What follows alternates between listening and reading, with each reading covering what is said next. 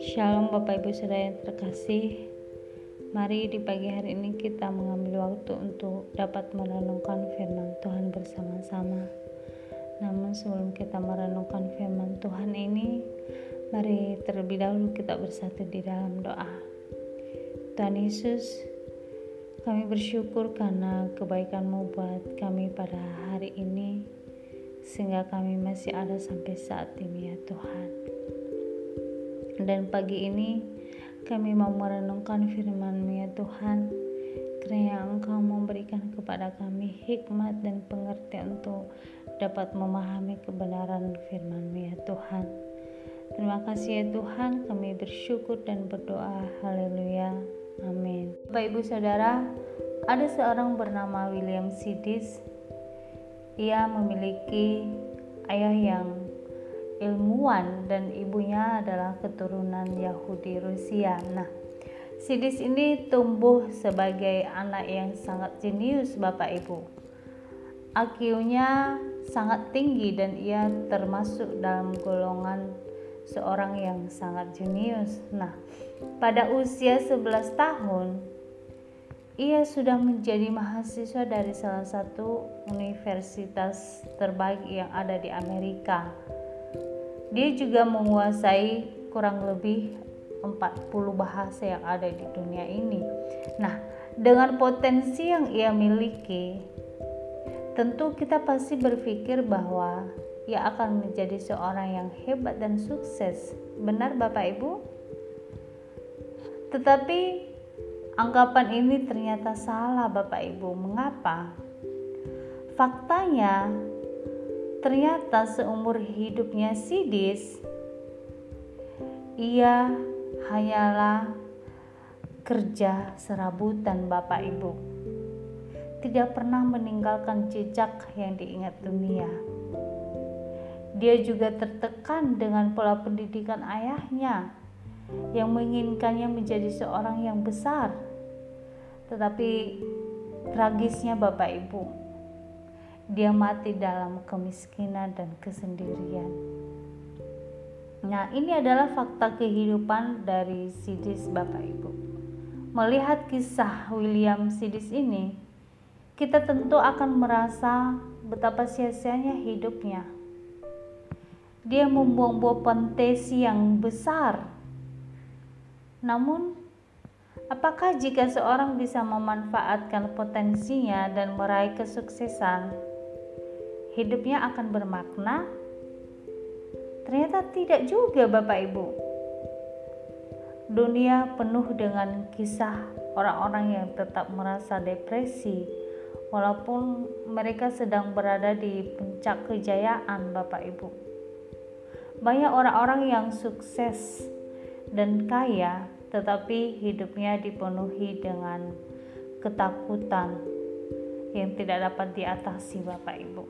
Nah, Bapak Ibu, firman Tuhan dalam Pengkhotbah 1 ayat 13 sampai 14 mengatakan Aku membulatkan hatiku untuk memeriksa dan menyelidiki dengan hikmat segala yang terjadi di bawah langit.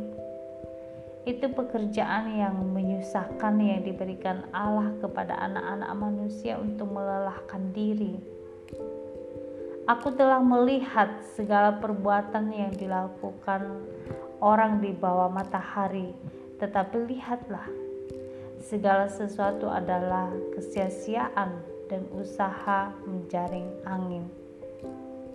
Nah, dalam ayat ini, penulis kitab pengkhotbah memberikan ungkapan bahwa segala sesuatu itu apakah usaha manusia, kepintaran, kesuksesan dan lain dan lain-lainnya merupakan kesia-siaan.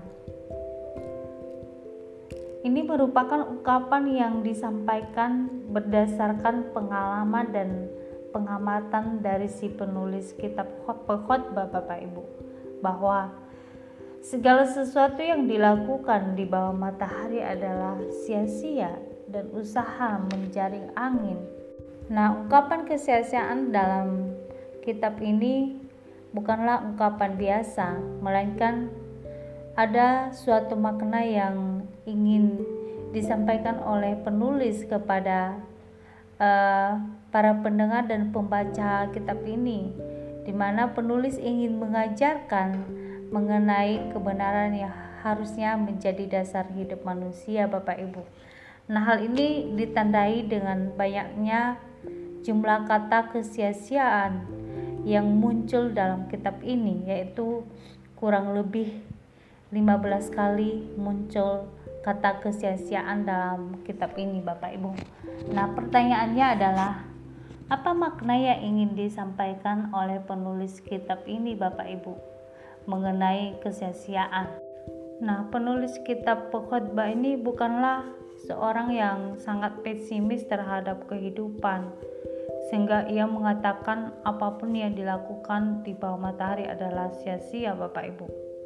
Tetapi penulis kitab ini ingin menyampaikan bahwa segala sesuatu tanpa Tuhan dalam kehidupan ini adalah sia-sia. Nah, apa pun yang manusia lakukan di bawah matahari tanpa kasih kepada Tuhan adalah kesia-siaan yang pada akhirnya semua tidak akan dibawa saat kita telah meninggal di dunia ini Bapak Ibu. Nah, apa pun yang manusia lakukan di bawah matahari tanpa kasih kepada Tuhan adalah kesia-siaan Bapak Ibu. Di mana pada akhirnya semua tidak akan dibawa saat kita telah meninggalkan dunia ini. Mari kita perhatikan kehidupan seorang William Sidis yang begitu jenius, yang tidak menjadi apa-apa dengan kejeniusan yang ia miliki, Bapak Ibu. Tentu akan berbeda jika seorang William Sidis hidup dan berjalan dalam Tuhan. Pastilah Tuhan akan membawa William Sidis menjadi berkat bagi banyak orang dan ia dapat membuat sejarah atas hidupnya yang akan selalu dikenal oleh setiap orang Bapak Ibu. Nah Bapak Ibu Saudara, setiap kita mungkin dapat menjadi orang berhasil tanpa Tuhan. Kita mungkin bisa menjadi orang kaya tanpa Tuhan. Tetapi ingatlah apa yang hari ini firman Tuhan sampaikan bahwa Hal itu akan sia-sia jika kita tidak melibatkan Tuhan dalam kehidupan kita, Bapak Ibu. Melalui apa yang diungkapkan oleh penulis pokotbah, kita belajar bahwa yang Tuhan kehendaki bagi kita adalah kita tidak fokus mengejar hal-hal duniawi. Karena semua itu tidak bersifat kekal, Bapak Ibu yang Tuhan mau adalah kita fokus kepada hal-hal surgawi, hal-hal yang berhubungan dengan kebenaran firman Tuhan yang bersifat kekal Bapak. Semua ada amin Bapak Ibu. Nah demikianlah firman Tuhan yang dapat saya bagikan kepada kita pada pagi hari ini Bapak Ibu. Untuk menutup firman Tuhan ini mari kita bersatu di dalam doa. Terima kasih Tuhan untuk kebenaran firman-Mu yang mengajarkan kami untuk selalu melibatkan Tuhan dalam hidup kami agar segala sesuatu yang kami kerjakan tidak sia-sia melainkan Engkau pakai untuk kemuliaan namamu ya Tuhan. Kami juga belajar untuk berfokus kepada perkara-perkara surga bukan kepada hal duniawi. Terima kasih ya Tuhan